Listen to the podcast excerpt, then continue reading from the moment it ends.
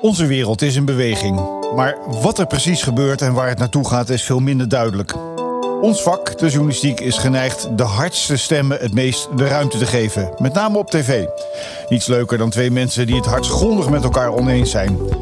En zo ontstaat een beeld alsof dit land bestaat uit schreeuwers die constant boos zijn. En van het beeld klopt geen klap. Wij, Tom Verlind en Frank Dumois, proberen in deze podcast de mist van de regen te scheiden.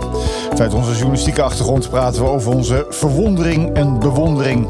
En dat doen we voor mensen zoals wij, die geloven dat er altijd oplossingen bestaan, ook voor ingewikkelde zaken. Je luistert naar aflevering 8 van Ons Soort Mensen. Zometeen praten we met eh, Esther van Venema, psychiater en publicist, uh, over onder meer de zorg. Over de zorg. Dat zometeen. Maar eerst Ton. Je bent uh, je hart achterna gereisd, kunnen we wel zeggen. En jij kwam terecht in Liv. Ah.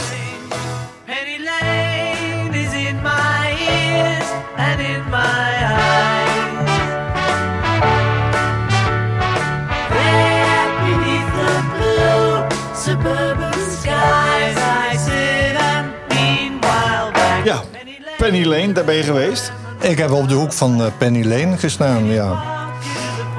Een van de prachtigste liederen van de Beatles. Ik ben opgegroeid met de Beatles natuurlijk. We zijn van dezelfde generatie. Ehm, ze maken een prachtig verhaal over Penny Lane. Maar Penny Lane is eigenlijk een straat zoals je ze in, eh, in Bussum en Hilversum ook heel veel eh, hebt. Alleen zij zagen daar de charme van en maakten er mooie muziek over. Ja. Maar je bent, je bent eigenlijk op een soort eh, eh, journey geweest naar de historie van de Beatles. Ja, een beetje bedevaart was het wel. Beetje bedevaart. Ja. Wat, wat bracht je ertoe? Een uitnodiging van een eh, oud KRO-collega Mark Stakenburg... die muziekreizen organiseert.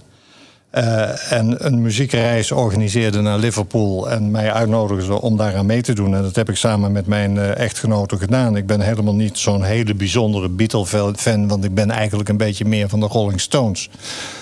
Maar Oh ik ja, ben dat, er is, wel... dat, is, dat is voor jouw generatie een groot ding. Hè? Je bent Ja. ofwel voor de Stones. Ik, ik moest ook ooit een keer op Radio 2 kleur kiezen van Felix Murders die me begeleiden. Je bent of, of van de Beatles of van de Stones.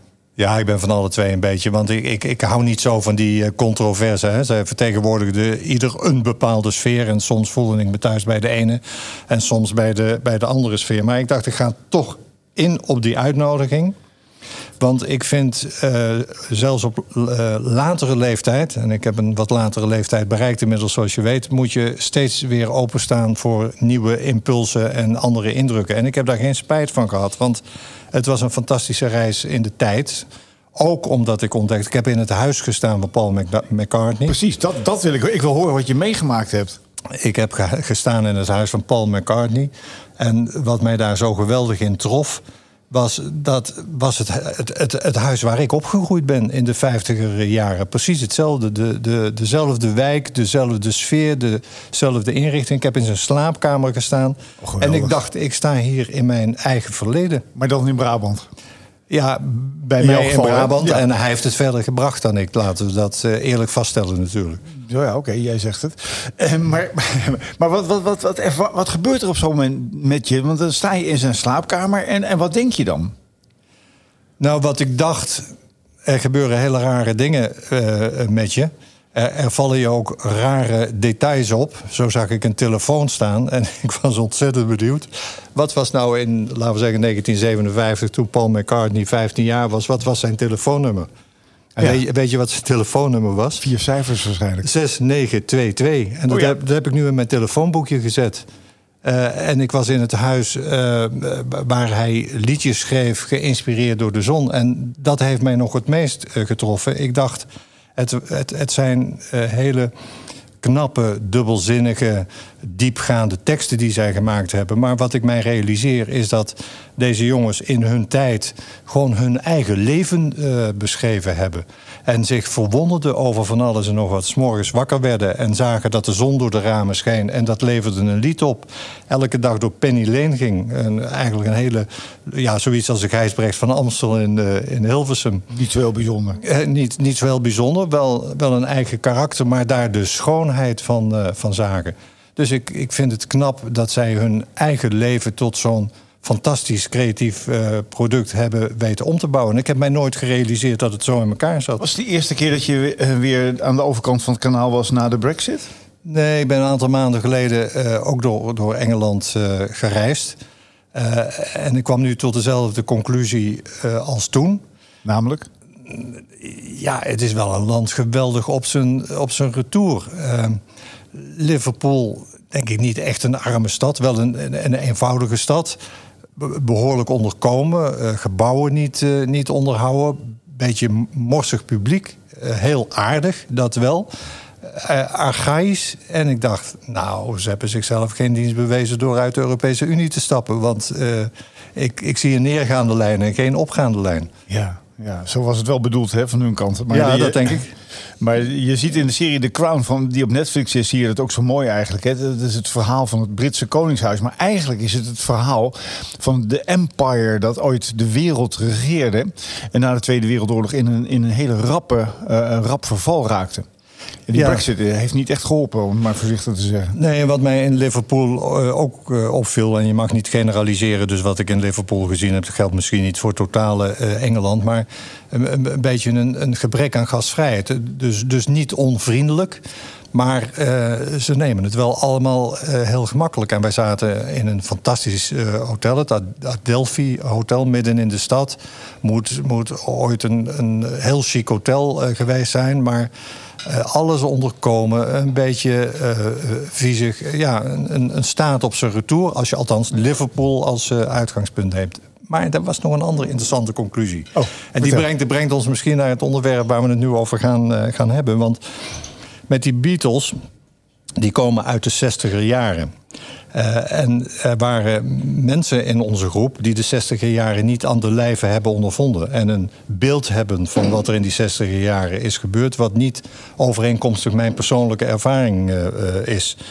Dus het was een mooie gelegenheid om uit te leggen wat die 60er jaren nou precies waren. En eh, daarmee had ik voor mezelf ook een reden om te benoemen wat is het verschil tussen de 60er jaren en de tijd waarin we nu zitten. Want daar moeten we in deze podcast eh, toch naartoe, Frank, of we dat Ja. willen of niet. Maar ik, ik vind het ook oprecht interessant. Ik ben ook geboren in de 60 jaar, dus ik heb het ook niet bewust meegemaakt. Ik, ben, ik, ik luister. Ik luister. Nou, bij onze generatie heeft zich eh, vrij gevochten van eh, de conventies en de beperkingen die door regenten werden opgelegd. Er waren situaties die niet klopten.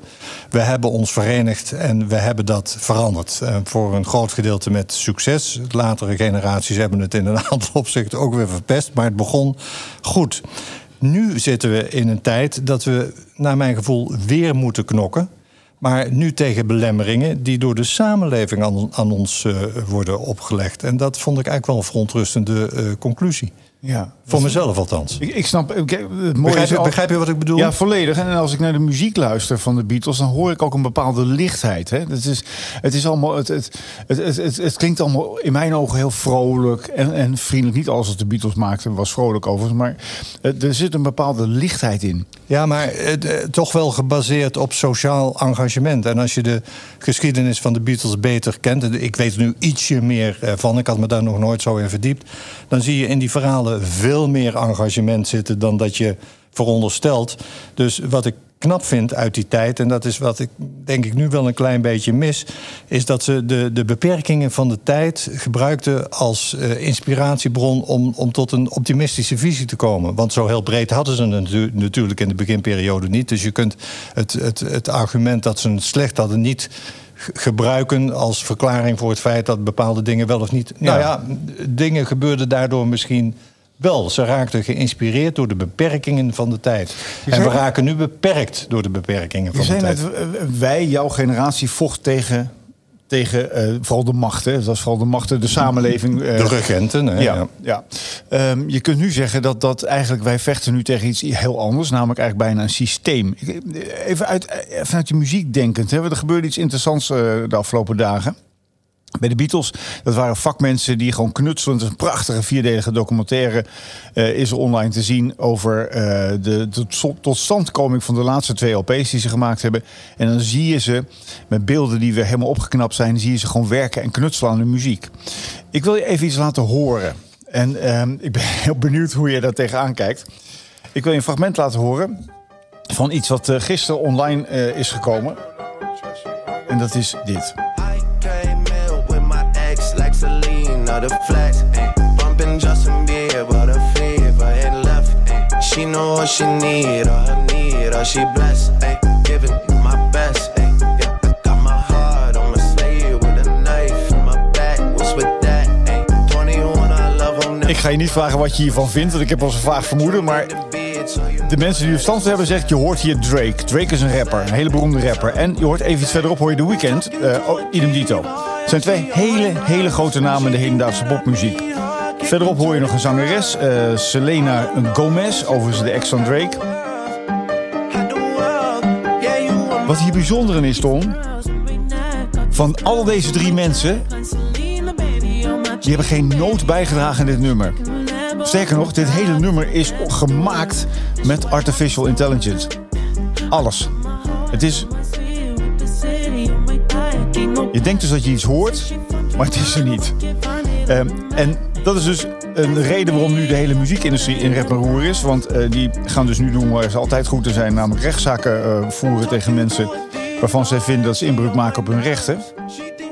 Eh, maar dit is, dit, is, dit is wel bijna gewoon... Het is deep, deep fake eigenlijk, toch? Ja, het is, het is een vorm van deepfake, ja. Maar het is ook...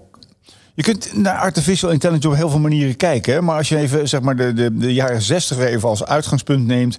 waarbij de maakbaarheid van de samenleving letterlijk voorop stond. En we zijn nu in een situatie gekomen dat de samenleving ons maakt. Ja, maar ik zie ook wel interessante parallellen. Want nu, nu ga je mij vragen wat ik daarvan vind van eh, deze deepfake eh, eh, trucs. Eh, en misschien of dat een bedreiging is voor eh, de, de muziekindustrie of de waarheidsindustrie. ik kan het niet heel goed eh, beoordelen. Het is weer een stap in de ontwikkeling van de geschiedenis. Maar wat is het verschil tussen. Eh, er werden op een gegeven moment eh, grammofoonplaten gemaakt en toen kwamen er bandrecorders. En toen zei de eh, muziekindustrie: Dit is het eind van de muziekindustrie, want nu kan het gekopieerd worden. Ja. Dit is een volgende stap in de technische ontwikkeling waar we even van schrikken, maar die we straks weer wel naar onze hand zetten, denk ik. Ja, maar je, kunt die lijn doortrekken. Toen kwam het samplen. Dus toen kwam het moment dat ze zeg maar fragmenten, stemmen, eerst drumgeluiden, daarna stemmen, daarna hele fragmenten hergebruikt in andere nummers. Eerst ging dat, dachten ze van oké, het is niet anders. Toen dachten ze, hé, hey, wacht even, dit is een rechte kwestie. Daarvoor speelde nog het moment dat de muziekindustrie opeens eh, met de stichting Brein in Nederland voorop eh, alles en iedereen aan ging pakken die illegaal eh, eh, mp3's eh, downloaden of uploaden. Dat heeft ze, die hele strijd heeft ze bijna de kop gekost. hè. Die, de muziekindustrie is eh, zeg maar eh, eind, eh, be- begin 2000 bijna kopje onder gegaan. Vond, vond ik niet zo erg, want het was niet zo'n heel sympathieke industrie. Hè. Het had niet altijd iets te maken met het verder helpen van artiesten. Het had vooral te maken met geld verdienen. Ja, maar de vraag is of de historie zich niet gaat herhalen. Want ze hebben dus nu al aangekondigd dat ze rechtszaken gaan voeren tegen degene die deze, jij noemt het deepfake, maar deze artificial intelligence. Ja, het is liedje. goed. Ja, kijk, het is, het is een, een, een natuurlijke ontwikkeling die altijd ontstaat als er iets nieuws eh, gebeurt. Dat is een bedreiging voor de gevestigde eh, orde, hoe, hoe die er verder ook eh, uitziet. En de gevestigde orde probeert vast te houden wat ze heeft. Maar uiteindelijk zie je in de geschiedenis dat eh, het weer eigendom wordt van eh, artiesten, van creatieve, scheppende mensen. En dat die zo'n ontwikkeling voor zich laten werken. En dat er nieuwe kunstvormen ontstaan. Als het nou in de geschiedenis altijd zo is gegaan, waarom zou dat dan nu anders zijn? Dus Ja. de vraag is: is het zo ernstig? Ja, misschien ernstig voor de mensen die nu de macht hebben. Maar niet zo ernstig voor de, voor de scheppende artiesten die nieuwe mogelijkheden ontdekken. Nou ja, we zijn beide geen juristen, maar mijn, mijn verstand kraakt bij dit soort dingen. Want als je naar een rechter gaat, dan, dan zegt dus bijvoorbeeld de, de- degene die Drake vertegenwoordigt, zegt van ja, dit is Drake. Oké, zal dan de rechter vragen, maar heeft meneer Drake dan ook een bijdrage geleverd aan het nummer? Nee, dat heeft hij niet. Heeft hij tekst geschreven? Nee. Heeft hij, eh, heeft hij het ingezongen? Nee, ook niet. Ja, maar wat is dan nog van hem? Nou ja, zijn de- klankkleur, zijn manier de- van, van zingen, maar de ja, basis. Hij heeft het concept ont- eh, ontwikkeld. Hij heeft, eh, hij heeft het eh, neergezet. Hij heeft geïnspireerd. En, en andere mensen met gebruikmaking van een computer voegen daar iets aan toe. Hè. De vraag is of dat van waarde is wat ze eraan toevoegen. Maar maar toch- eigenlijk is het toch een normaal creatief proces. Stel je voor, iemand, iemand gaat de, de, de oude banden van Brandpunt en Brandpunt in de Markt opvragen. Die samplet jouw eh, stemgeluid, die voert dat aan AI. eh, en die, die maakt daar een, eh, een, een, een, een, type met een baard en een snor en een ringetje door zijn neus voor. Die allemaal woke teksten gaat doen. Maar het is wel Tom die we horen. Ja, dat zou ik geweldig toejuichen. En ik zal je uitleggen waarom ik dat zou toejuichen. Omdat dan het eh, 60er jaren mechanisme bij mij weer gaat, eh, gaat werken. Wat me toch meer gevormd heeft dan ik mij gerealiseerd heb de afgelopen jaren. Ik zou denken, hoe kan ik dat met mijn originaliteit en de kwaliteiten die ik heb pareren? Hoe kan ik daar iets eh, tegenover stellen? Hoe kan ik mij zodanig eh, vernieuwen dat het hele concept onder dat kopiëren wordt weggehaald? Dus het zou, het, het, het zou voor mij een geweldige uitdaging zijn. En eh, dat is precies wat ik in deze tijd mis, eh, Frank. Namelijk? Nou, Specifiek? dat we allemaal slachtoffers zijn van van alles en nog wat. En dat we in een hoekje zitten te zeuren. In plaats van dat we de kansen en de mogelijkheden zien. En onszelf geprikkeld eh, voelen om eh, uit onze schuilhut te komen en weer te gaan werken aan nieuwe producten, eh, de, de samenleving vormgeven, weg van dat de defetisme. Je hoort dat mijn bezoek aan Engeland me weer een klein beetje meer activistisch heeft gemaakt. Maar ik vind het wel leuk om te horen. Want ik, ik hoor je ook, ook, ook een andere toon aanslaan. Dus heeft hij echt iets met je gedaan. Ja. Ja, ik ben eigenlijk trots op die eh, 60 jaren. En dat was een beetje weggezakt. En door dit eh, bezoek aan, aan Liverpool heb ik de waarde ervan leren waarderen. En ik denk, en ik, wil daar graag ook eh, eh, Esther zo meteen over, over horen. Ik denk creativiteit, uit je hol komen, eh, mensen in je omgeving verzamelen, dingen die niet kloppen veranderen door een beetje activistisch te opereren. Zou dat niet een betere eh, oplossing zijn voor de problemen eh, waarin we op het ogenblik eh, verkeren dan in een hoekje te blijven klagen? Want ik vind dat we, we zijn wel erg klagelijk geworden. Esther van Venema, je naam viel voor de derde keer. Psychiater, publicist, die was onze zeer gewaardeerde gast in aflevering 3 van de podcast Ons Soort Mensen. En dus nu ook weer aflevering 7. Alleen je staat nu heel zielig op een parkeerplaats, begrijp ik. Ik sta op een parkeerplaats, maar ben helemaal gespitst op jullie gesprek. En eh, ben al helemaal enthousiast over de thematiek. Dus vergeet Ah. die parkeerplaats. eh, dat, eh, dat, dat doet helemaal niet meer ter zake als ik jullie zo hoor. Oké, en wat, wat, wat, wat, wat, wat, wat ra- raakt je in wat we besproken? Nou, gewoon het enthousiasme waarmee Ton eigenlijk weer praat over activisme, met elkaar ergens voor willen gaan. Eh, dat raakt precies aan de thematiek waar, waar ik mezelf ook eigenlijk mee bezig hou. En ehm, wat ik zeker ook deel, is, is dat dat ja, in onze samenleving een beetje doodgeknuppeld lijkt of zo. En dat dat ja, allemaal, eh, als ik het natuurlijk wat chargeer, maar dat leidt tot allemaal verdrietige, eenzame individuen die eigenlijk een beetje ja, uit elkaar gespeeld zijn, losgezongen zijn van elkaar. En dan zijn we meestal niet de beste versie van onszelf, eh, leert de tijdgeest van nu. Nee, als je AI even meer, meer metaforisch oppakt als een soort eh, ehm, eh, de, de, de, een, overgeorganiseerde samenleving waarin alles in protocollen gevat, gevat is, dan zijn we eigenlijk overge-AI'd met z'n allen. Nog één keer die laatste vraag. Of we overge-AI'd zijn met z'n allen. Ja, kijk, eh, ik, ik, ik vind inderdaad in een samenleving waar, waarbij we eigenlijk ehm, ja, de moraal zo met elkaar niet meer voelen en misschien wel hebben losgelaten, dat je het dan allemaal gaat organiseren via allerlei protocollen. Ehm, ik, ik geloof daar ten eerste niet in dat dat op die manier werkt. Ehm, en ik vind het ook wel interessant om te kijken waarom dat nodig is om dat op die manier te doen. Wat er mis is eigenlijk gewoon met ons, ja, met ons mens zijn. ehm, en zeker in groepsverband. Hè, het geheel is altijd toch meer dan de som der delen als je kijkt naar groepen en mensen. Ehm, dus ik vind dat heel fascinerend om dat dus een beetje te bestuderen met elkaar. Wat, wat is er mis, eh, Esther? Met, de- met, met, de- met de Nou ja, samenleving? zo- kijk, zo, zoals ik ook in dat, in dat laatste boek van mij heb geschreven, Het Verlaten Individu, is dat individu gewoon ongelooflijk ehm, op zichzelf komen te staan. eh, geïsoleerd geraakt van het geheel, van de groep, van het collectief, hoe je het ook wil noemen. Ehm, en het, het punt is dat dat individu dus eigenlijk totaal verantwoordelijk is geworden voor zijn eigen leven. eh, voor zijn succes, voor zijn falen, voor het bewaken van zijn eigen grenzen, voor het, eh, ja, het, gedrag, het consumeren, het genieten. Je moet het allemaal in je eentje moet je het doen. Ehm, en dat is denk ik ook iets wat gewoon heel onnatuurlijk is voor onze soort. Hoe komen we, hoe komen we uit eh, deze dip, zal ik maar zeggen? Hè? Want het valt mij op, eh, een paar dingen zijn er in deze samenleving niet eh, te bespreken. Ik eh, ben erg gefa- ge- gefascineerd door het begrip eh, victim eh, blaming. Als er ergens iets misloopt, dan zijn er slachtoffers en, en daders. En de, de, de daders worden gemakkelijk gedefinieerd en hebben altijd de schuld. En aan, aan de slachtoffers mag je eigenlijk nooit eh, de vraag stellen: eh, welke verantwoordelijkheid heb je gevoeld? Wat heb je, eh, wat heb je gedaan om het, om het tijd te keren? Heb, je, heb je geen bondgenoten kunnen vinden om de zaak aan te pakken? Alleen al het stellen van die vragen wordt gezien als een vorm van victim blaming. En nou vind ik het eh, zelf ook heel erg als mensen slachtoffer worden van iets. Want dat is natuurlijk altijd een teken van onvermogen. Maar dat, dat, dat victim blaming. Eh, dat je daar niet aan mag doen of dat je snel die beschuldiging krijgt, eh, voorkomt wel dat er vragen gesteld worden die wel gesteld zouden moeten worden. Of eh, zit ik nu te raaskallen? Nee, Ton, ik denk dat dat, dat, dat een terechte beschouwing is van je. Kijk, we zijn overal enorm kwetsbaar geworden door onszelf zo los te maken van een groepsverband. En nou is het niet zo dat ik de groep eh, idealiseer, want er zijn ook heel veel nare dingen gebeurd eh, in groepsverband. Mensen kunnen zich ook erg verdrukt voelen binnen een groep, niet zichzelf kunnen zijn. eh, omdat er te, te sterke mores eh, heersen. Maar wat je nu ziet is eigenlijk ehm, ja, het doorslaan naar de andere kant. Dat individu wat eigenlijk alleen staat, daardoor ongelooflijk kwetsbaar is. Die moet, ja, zoals ik dat altijd noem, continu langs die eigen persoonlijke grensjes patrouilleren.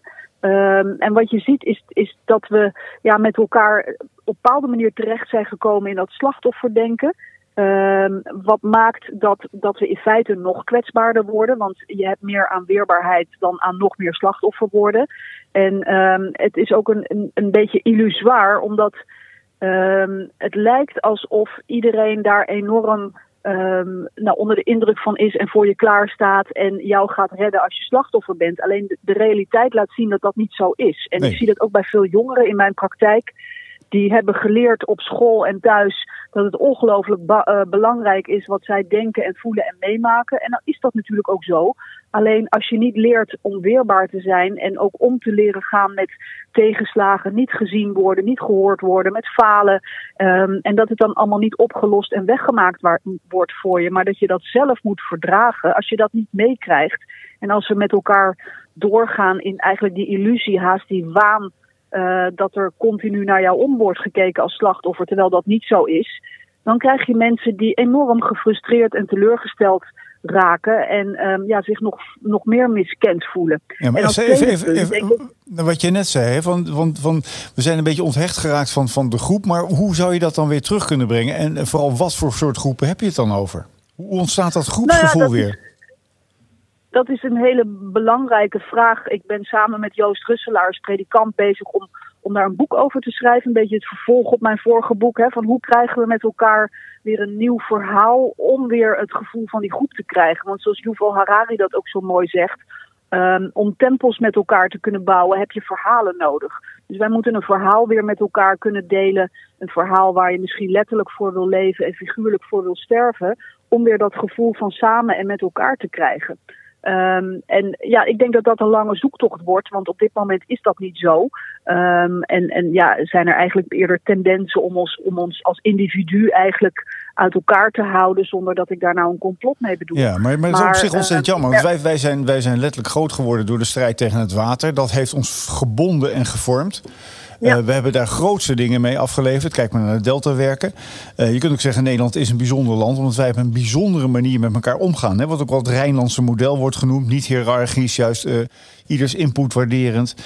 Als we nou eens gewoon beginnen om trots te zijn op datgene wat wij doen. En de manier waarop wij in het leven staan met z'n allen. Dan heb je toch al een aardig vertrekpunt voor een gemeenschappelijk doel.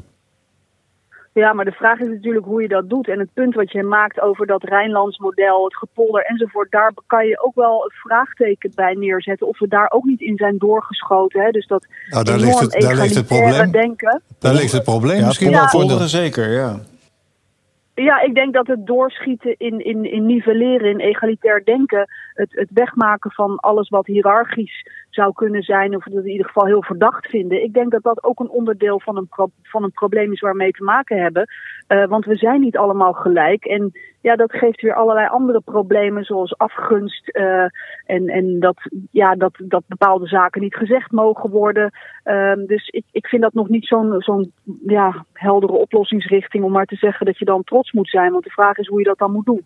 Dat gaat nog steeds eh, door, hè? het weghalen van de scherpe kantjes uit de samenleving. Terwijl ik jou eigenlijk hoor zeggen: het is beter om met die scherpe kantjes te leren leven en ze te attackeren dan ze weg te masseren. Eh, Lax is nou Exact, met, ja. met een hele serie voorstellen gekomen om mensen in het onderwijs op een wat andere manier eh, aan te spreken. Zitten blijven mag geen zitten blijven meer heten, maar dat heet eh, dubleren. Eh, hoger onderwijs mag geen hoger onderwijs meer heten, want dat stelt mensen die lager onderwijs volgen in een kwaad daglicht. Dat, dat, dat weghalen van de scherpe kantjes en het creëren van een hele beschermde omgeving voor mensen gaat voorlopig nog maar door, hè, lijkt. Maar dat zie je niet als een goede ontwikkeling, denk ik. Nou ja, ik zie dat als buitengewoon problematisch. Want het is, in feite is het het ontkennen van een realiteit. En natuurlijk moet je lief en aardig voor elkaar zijn. Dat, dat is logisch. Maar het wegmaken of een deel wegmaken van de realiteit die wij oncomfortabel vinden. Ja, dat krijg je als een boemerang weer terug. Want ik denk dat het juist belangrijk is om je te leren verhouden tot die realiteit. Haar leren te verdragen. Ehm, en je ziet ook gewoon in het klein bij kinderen die door zogenoemde curlingouders worden opgevoed, dat alles wordt weggehouden, eh, wat, wat onaangenaam is in het leven. Die hebben nooit geleerd om in een veilige context om te gaan met moeilijke, nare gevoelens. Die worden dan opeens grote mensen met serieuze grote mensen tegenslagen. Ja, dat zijn mensen die wij toch ook veelvuldig eh, zien langskomen eh, in de psychiatrie, omdat ze niet opgewassen zijn tegen dat leven. En als je dan kwetsbaar bent voor depressie of voor angst, ja, dan, dan kan je hard ten val komen als je niet hebt geleerd hoe je om moet gaan met dingen die moeilijk zijn in het leven. Is dit een verklaring voor het feit dat eh, onlangs bekend werd, als ik me niet vergis, dat zo'n 50% van de Nederlandse jongeren psychische problemen hebben? Ligt hier de verklaring voor een deel? Nou ja, ik, ik denk voor een deel. Ik denk dat dat een heel complex verhaal is waarom er op dit moment zoveel eh, jongeren met, met psychische klachten worstelen. Kijk, ik, ik spreek af en toe van die jongeren en, en dat heeft natuurlijk ook te maken met die enorme fixatie op extern door die social media. Dus dat je dan wakker wordt, zoals zo'n jongere zegt, s'morgens die eerste tien minuten op je telefoon zit, eh, op TikTok en al die filmpjes voorbij ziet komen en beelden van perfecte relaties, geweldige banen, eh, enorm succesvolle levens. En dan moet je, zoals die jongere zei, nog met je eigen klunzige leventje gaan beginnen die dag. Hè? Dus ehm, dat is een, multifactorieel probleem, denk ik. Maar ik denk zeker dat het stukje weerbaarheid, gebrek daaraan, dat dat een belangrijke factor is die meespeelt in eh, de kwetsbaarheid van jongeren nu. Wat zou, een- wat zou een begin van een oplossing eh, kunnen zijn? Want je weet, eh, in, in onze podcast komt er altijd een moment dat we iets van het begin van een oplossing eh, willen zien. Welke stappen zou je als ouder zelf kunnen eh, zetten om je een beetje los te maken van deze, ja, deze cirkel naar beneden? Hè? Nou ja, kijk, ik, ehm, ik vind altijd eerst een goede diagnose van belang waar iedereen het dan mee eens is, of een groot deel van de mensen. Ehm, maar als je zegt van nou ja, de, de, de diagnose heeft in ieder geval ook te maken met het weghouden van dat wat moeilijk en onaangenaam is in het leven, dan zou ik als ouder eh, zou ik alles op alles zetten om te zorgen dat die tijd dat een kind in het gezin verblijft, kind is. ehm, dat een kind leert om om te gaan met dat wat het leven ingewikkeld en lastig maakt, omdat het dan nog die veilige context is waarin je dat in feite kan oefenen met elkaar. Hoe, hoe is het inderdaad om, om eh, nou ja, met narigheid geconfronteerd te worden en wat voel je dan? En kan je daar woorden aan geven eh, in plaats van dat het wordt weggemaakt of niet mag bestaan en ehm, je daar later op een hele onaangename manier mee wordt geconfronteerd. Ik denk dat dat een heel belangrijke richting is van, eh, van een oplossing in ieder geval. Er komt eh, vandaag een eh, ook niet zo heel vrolijk bericht naar buiten van de Raad voor Volksgezondheid en Samenleving. Dat is een belangrijk adviescollege van eh, het kabinet onder meer. En die zeggen dat eigenlijk het fundament onder de gezondheidszorg in Nederland zwak, wankel en gammel is. De GGD's zijn de coronacrisis door het ijs gezakt en hebben te weinig mensen en geld voor reguliere taken. Een belangrijke noodkreet betekent eigenlijk dat, dat als je naar de zorg als geheel kijkt, ehm, dat ze daar een dikke onvoldoende aan geven. En eh, dat zijn geen berichten die je met veel plezier leest, denk ik, Esther. Nee, en ik lees het vooral niet met heel veel eh, plezier, omdat het al jaren een probleem is wat er aan zit te komen en wat steeds manifester wordt. Dus het is ook geen nieuws eigenlijk. Hè? Het is al iets wat, wat je van lang, van, van verre al aan zag komen. En wat ook in dit land al vaker gebeurt. Dat gebrek heeft te maken heeft met een gebrek aan visie en daadkracht. Uh, om die woorden maar eens tevoorschijn te halen. Kijk, het, uh, het weghalen van geld van, van nou ja, mankracht in met name die belangrijke eerste of halve lijnszorg, GGD, huisartsen. Um, dat leidt natuurlijk tot, tot enorme erosie in de basis van die zorg. Um, en ja, het grote probleem is natuurlijk ook dat we aan de vooravond of al eigenlijk begonnen zijn met een enorme vergrijzingsgolf en daar niet op voorbereid zijn. Dus ja, dit nieuws is een beetje oud nieuws voor mij en ik krijg een heel erg uh, told you so gevoel eerlijk gezegd als ik dat dan weer hoor. Ja, ik, ik, ik probeer even op het door te laten dringen. Je zei de, de vergrijzingsgolf zijn wij niet op voorbereid. Ik ben geboren in 62 en vanaf dat moment, en dat is ongeveer het hoogtepunt van de piek geloof ik, uh, vanaf dat moment ja. wisten we toch al wat eraan zat te komen?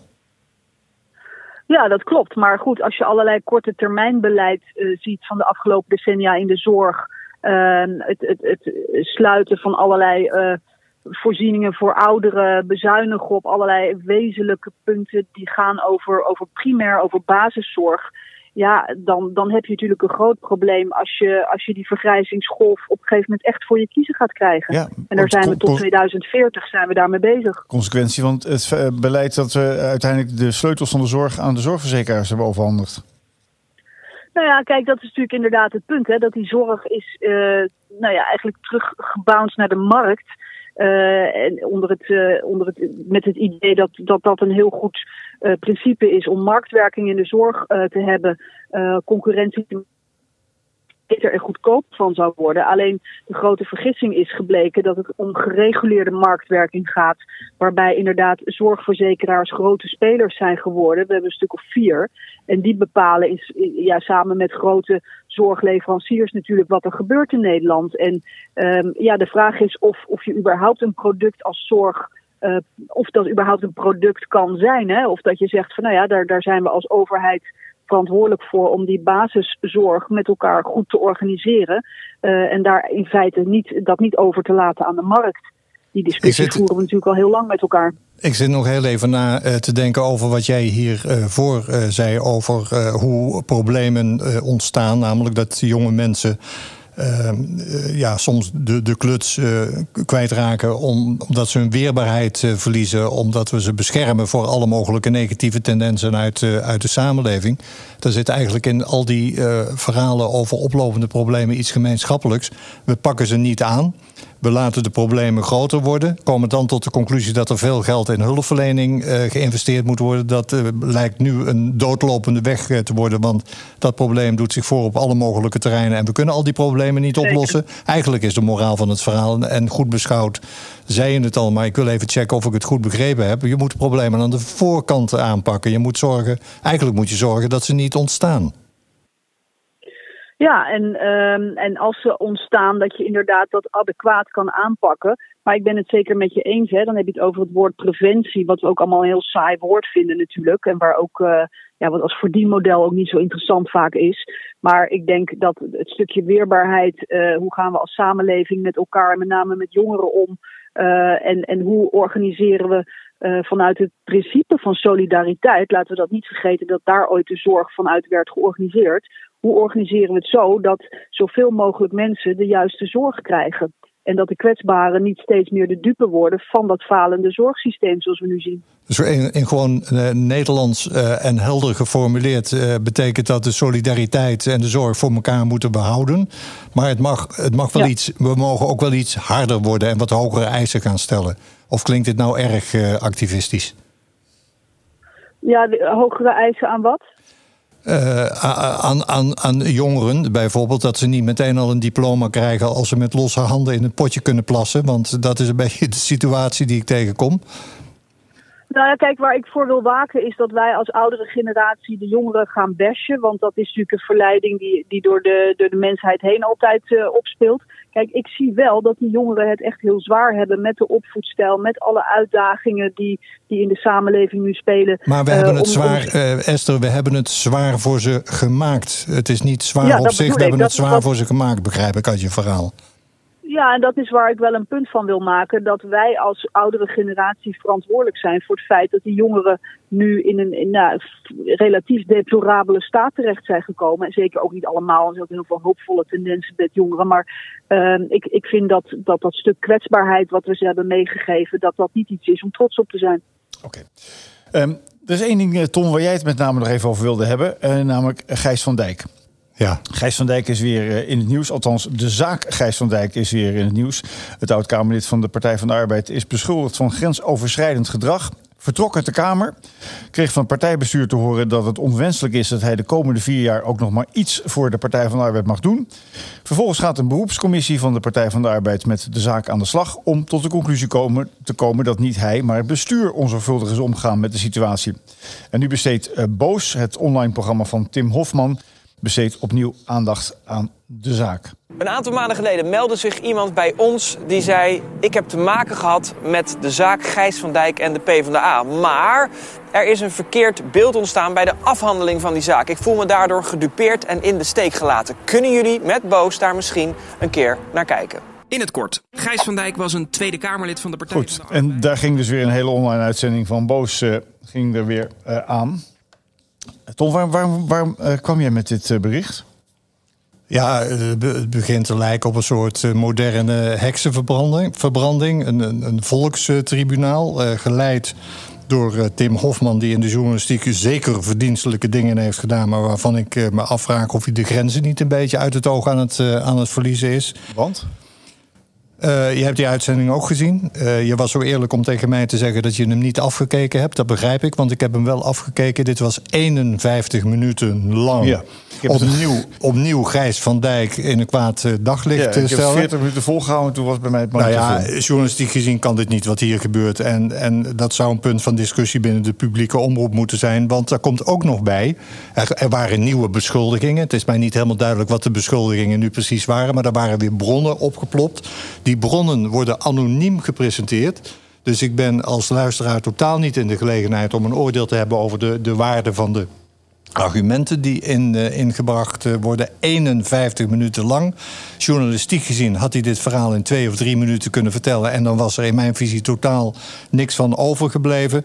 Dit soort heksenjacht moet een keer afgelopen zijn, vind ik. En uh, als je ermee doorgaat, kunnen we niet doorgaan met het leven van mensen kapot maken op, op basis van anonieme bronnen. Anonieme bronnen mag je in de journalistiek in mijn visie alleen gebruiken als het om grote maatschappelijke problemen gaat die niet besproken zouden kunnen worden zonder uh, anonieme bronnen. Daaronder valt dit nieuws niet. En dat zie je in toenemende mate. Ook de Volkskrant uh, doet daar aan dat er beelden worden geschetst op basis van mensen die wij niet mogen kennen. En in mijn visie moet het ophouden. Ja, in mediatrainingen heb ik het vaak over het maatschappelijk frame. Het maatschappelijk frame is een soort, soort barometer van, van wat mensen gemiddeld vinden over een bepaald onderwerp. Uh, het maatschappelijk frame op dit gebied, als het gaat over misbruik, is natuurlijk diep en diep, diep donkerrood. Dus wij vinden alles wat daar gebeurt, dat heeft al snel onze, onze uh, uh, hebben er al snel een mening over en het heeft al snel ook een, onze attentie. Um, tegelijkertijd is natuurlijk wel het gevolg daarvan is wel dat, dat er een, misschien ook wel een overfocus ontstaat hierop. En uh, Esther, ik vraag het ook even aan jou. Uh, hoe kijk je als psychiater naar dit soort processen? Even los van deze casus. Ik vind het echt verwerpelijk. Ik vind het een tendens waarbij ik uh, ook wel eens een keer met Ton F. van Dijk, jullie collega, heb geprobeerd om daar een, een, weerwoord in te schrijven, voor te schrijven, door een aantal mensen ook te interviewen die slachtoffers zijn geworden van dit soort heksenjachten. Deze publiekelijke terechtstellingen die maken echt mensenlevens kapot. Uh, ik weet nog een, uh, suïcide uit de tijd van uh, de hashtag MeToo. van een dirigent in Zweden die onterecht werd beschuldigd, publiekelijk aan de schandpaal, hele carrière naar de knoppen. Ehm, ik, ik, ja, ik zou er echt voor willen pleiten om dit soort zaken niet meer via de media te spelen en op die manier aandacht te genereren voor misstanden. Er moeten andere manieren zijn dan deze primitieve middeleeuwse manier. Ik ben er echt heel erg verontwaardigd over dat dit zo blijft voortbestaan. Hoe kunnen we nou, en dat, dat vraag ik ook aan mezelf, maar vooral ook aan jullie twee, uh, hoe kunnen we nou weer een beetje liefheid in de samenleving terugbrengen? Ja, ik weet niet of dat het doel moet zijn om liefheid terug te brengen. Maar ik denk dat we met elkaar dit moeten gaan reguleren. Want het is gewoon. Het is, het, is een soort wilde heksenjacht aan het worden. Waarbij je zeker weet dat je enorme oplages verkoopt, kijkcijfers genereert enzovoort. En ehm, ik denk dat er mensen moeten zijn die in, in de top van deze media business zitten, die gewoon zeggen, hier houden wij mee op, dit doen we niet meer op die manier. Ik denk dat het heel streng gereguleerd moet Ja, gaan maar worden. En re- regulering staat, staat wel een beetje dwars op de intentie van mijn vraag. Nee, dat moeten die media eh, die moeten dat natuurlijk zelf doen. Die moeten zich realiseren wat er op het ogenblik eh, gebeurt, welke tol we daarvoor betalen. En die moeten zich de vraag stellen: de, de schade die we aanrichten, staat die in verhouding tot de, de kwestie die hier behandeld wordt? En gaat het ons om de kwestie of gaat het ons om het eh, eh, spektakel? Dus de media zouden iets kritischer op zichzelf moeten zijn. Breng mij terug Overigens bij een rapport van het Sociaal Culturele Planbureau... wat afgelopen week eh, verscheen. Want jouw vraag was, hoe brengen we wat meer lievigheid in de samenleving? Er zit een heleboel eh, lievigheid en constructiviteit in de samenleving. Sociaal Cultureel Planbureau constateert dat de polarisatie waarmee we lastiggevallen worden op het ogenblik niet in de samenleving zit, maar het zit in de politiek en het zit in de media. Nou, de politiek is een beetje een verloren zaak op het ogenblik, want er is al vaker aan gevraagd, eh, ga je een beetje gedragen. Maar ik heb nog wel steeds mijn hoop eh, gesteld op de collega's van de. eh, van de, van, de, van de chique media, dat die eens een keer gaan doen aan zelfonderzoek en eh, ja, paal en perk stellen aan ontwikkelingen die ze zelf mede op gang brengen. Goed. En misschien nog even tot slot nog een, een, een, mooi bericht ook eh, wat ik las. Eh, in oktober 2022 viel eh, het doek voor een grote werkgever in de provincie Groningen. Een aluminiumsmelter Aldel.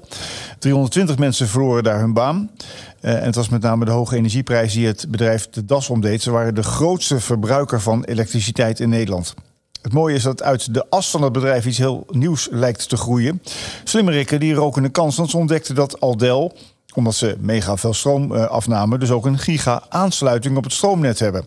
En het stroomnet heeft grote behoefte aan opslag, aan batterijen, om elektriciteit op te slaan als windmolens en de rap toenemende hoeveelheid zonnepanelen staan te knallen. En dat gaat nu ook gebeuren. Een innovatief bedrijf gaat eh, enorme accu's daar neerzetten, precies op de plek waar de kabels van veel windmolens aan land komen. En grootverbruikers als Google datacentrum veel energie nodig hebben. Dus de oude industrie wordt vervangen door de toekomst. Ja, ik heb ook nog een leuk eh, eh, voorbeeldje. Uh, ik hoorde gisteren bij Business News Radio dat er een, uh, een Nederlandse jongen met een Brabants accent, dus dat spreekt me sowieso al geweldig aan, een gat in de markt heeft ontdekt. Die is wereldwijd op golfcourses um, golfballen aan het opduiken die in het water terechtgekomen zijn. Daar heeft hij een wereldbedrijf op, uh, op gebouwd. Miljoenen uh, van die golfballen duikt hij op en verkoopt hij weer een gat in de markt van een ja, bijna 60er jaren eenvoud. Zo, zo doe je dat. Zo kom je met goede initiatieven en zo ontworstel je je aan de problemen. Met dit soort ideeën, Frank, ik werd er heel blij ja, van. prachtig verhaal. Esther, heb jij nog een, tot slot nog een mooi, iets inspirerends wat jij meegemaakt hebt? Um, nou ja, ik heb altijd uh, mijn, mijn patiënten in mijn dagelijkse praktijk die me altijd inspireren. Dus dan ga je weer terug naar het menselijke niveau, één op één. En uh, ja, dan zie ik mensen die worstelen met de samenleving, met depressies en uh, blijven knokken om weer bijvoorbeeld terug te kunnen komen in het werk. Om uh, een meisje wat ik deze week sprak, die in de ouderenzorg werkt en uh, nou, last heeft van allerlei angstklachten en depressie. En ja, zo dapper aan het werk is om zichzelf weer op de rit te krijgen. Om weer uh, dat mooie werk met die oudere medemens te kunnen doen. Omdat ze daar zoveel voldoening en tevredenheid uh, aan ontleent. Dus dat zijn de mooie kleine verhaaltjes waar ik dagelijks heel uh, blij van word. Goed, hartelijk dank Esther van Venema voor jouw bijdrage weer. Je luistert naar aflevering 8 van Ons Soort Mensen. Om de twee weken komen we met een nieuwe aflevering te vinden in je favoriete podcastplatform. Als je het leuk vindt, abonneer je op Ons Soort Mensen. Kost niets, levert een hoop op. Dank voor het luisteren.